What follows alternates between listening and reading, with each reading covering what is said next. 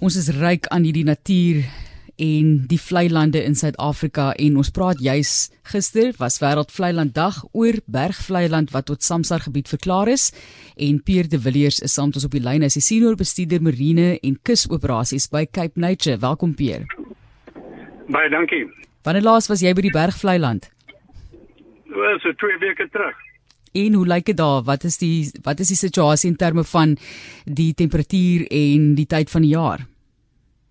Kyk hierdie tyd van die jaar is baie warm. Ehm um, dit is net na die goeie re reenseisoen van die winter en daar's nog 'n bietjie vloei, maar die temperature is is kwaai. Daar's baie evaporasie ehm um, van die water op 'n vlakte. Maar ja, dit was goed. Dit is nou die 28ste vlei land van internasionale belang wat Samsar aangekondig het. Hoekom die bergvlei land? OK, wil ek 'n bietjie agtergrond gee oor vlei lande of of riviermondings soos eintlik wat hulle genoem is. Ehm um, dit hulle is eintlik 'n indikator van die kondisie van die hele opvanggebied. So hulle is baie meer as net 'n 'n vlei land aan die einde van op die einde van 'n rivier. Ehm um, na die reëns normaalweg in die opvanggebiede in die berge en die platte land uh, vloei die water af en dit bring sand nutriënte ehm um, en 'n verskillende goed af en deur die vlei land of die riviermonding binne in die see in. En al daai sand en en nutriënte is baie belangrik vir die see en vir die estuarium self. So ehm um, anders as die site spesifiek het hulle baie belangrike rol in die hele ekosisteem en die hele opvanggebied. So ons as eh uh, Suid-Afrika en die wêreld begin meer en meer hierdie waarde en die rol wat hierdie ehm um, ekosisteme speel in die in die groter omvang van gebied en die see. Ehm um, en dis hoekom kyk Nature nou spesifiek gekyk het vir die berg. Ehm um, ons het ook die bot uh, rivier monding wat Ramsar site is, maar ons het spesifiek gekyk na die berg om uit te brei op hierdie site want hy is 'n baie goeie ehm um, voorbeeld van ehm um, 'n uh, groot riviermonding wat permanent oop is aan die see. Jy praat nou van 'n goeie voorbeeld. Kan jy vir ons 'n bietjie die kriteria gee vir 'n goeie voorbeeld en hoekom jy dink hulle dan die vlei land gekies het? Kyk, vir Ramsar is daar baie voor uh, I mean kriteria, maar ons het hoofsaaklik gemik op ehm um, uh, die soutmoras, die en ehm um, die voëls, die konsentrasie hoë konsentrasie voëls. So wat baie belangrik is as hierdie varswater ehm um, afkom. Dit soos ek sê, dit bring uh, grond, sand, modder, etc. en daai uh, word deponeer in die riviermonding self en ook CO2 soos ek gesê het. Maar die belangrike deel vir hierdie gesprek is dat dit word gedeponeer in die um, estuarium self en dan begin nou verskillende habitatte skep. OK, hierdie is gedoen oor die eeue, so die habitat is nou klaar daar vir ons, maar dis hoe dit ehm um, onderhou word. Die nuwe sand maak banke en dan ehm um, soutmorasse begin daar groei. As mense daar loop, daar's obviously groen plante wat hulle sien watergras en da en en riete, maar daai rooierige skynsel plantjie uh, wat so vetplant is, ehm um, is die is die soutmoras wat baie belangrik is. Ehm um, so dit daai area is het groot soutmorasse van die grootste in estuariums in Suid-Afrika en ehm um, baie goeie diep kanale, die groot groot uh stroom self of die hoofstroom. Ehm um, en dan waar alle watergras en ander plante. En dan tussen hier of op hierdie groei of binne in die grond lewe hierdie invertebrate soos uh, modder en en sand ehm um, wat dit genavels ehm um, en allerlei klein insekte En hierdie dan as die as die stelsel ehm um, ryk in daai tipe goed is, ehm um, is kos vir die voëls en en visspesies wat van die see afkom. Ja.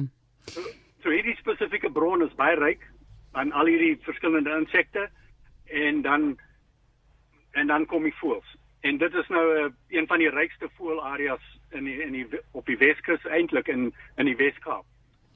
Daar is met 'n nasionale biodiversiteitsstudie bevind dat Suid-Afrika of 79% van Suid-Afrika se vlei lande ekosisteme bedreig word.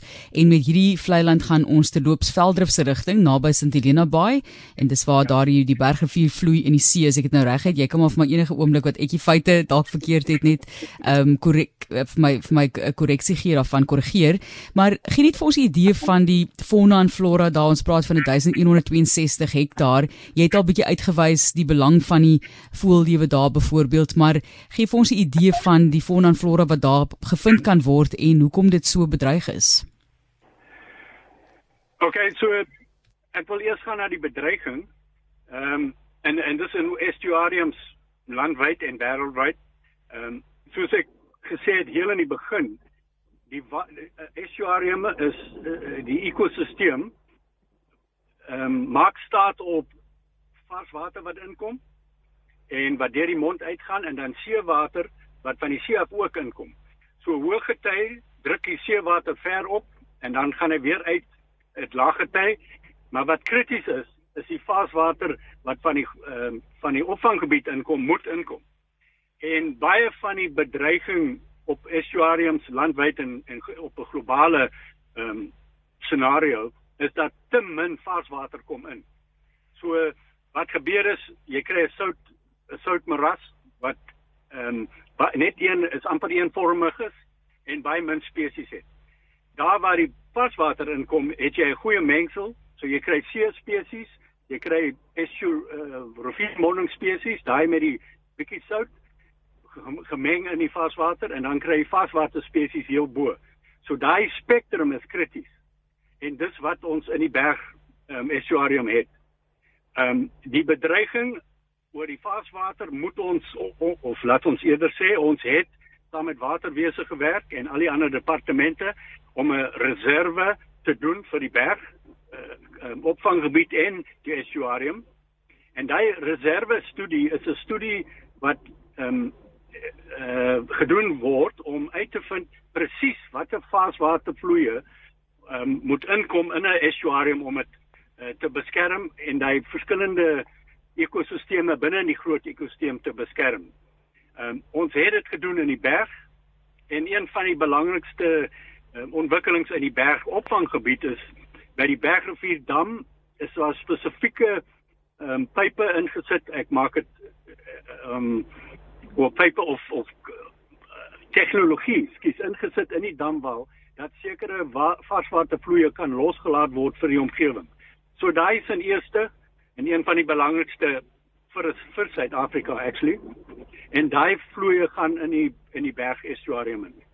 Kyk ons is ook deur 'n droogte vir die laaste 5, 6 jaar en en ons het ons meer die waterkwaliteit en die seewater het regtig baie ver op opgedruk.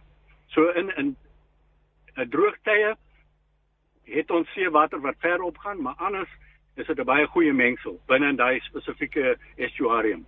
So ons as Cape Nature en verskillende ander ehm um, departemente en en en privaat NGOs het almal saamgestem dat hierdie is 'n baie goeie ehm um, estuarium vir bewaring vir en vir globale bewaring want hy dit is redelik groot en ehm um, een van die beste beskermdes in ons land.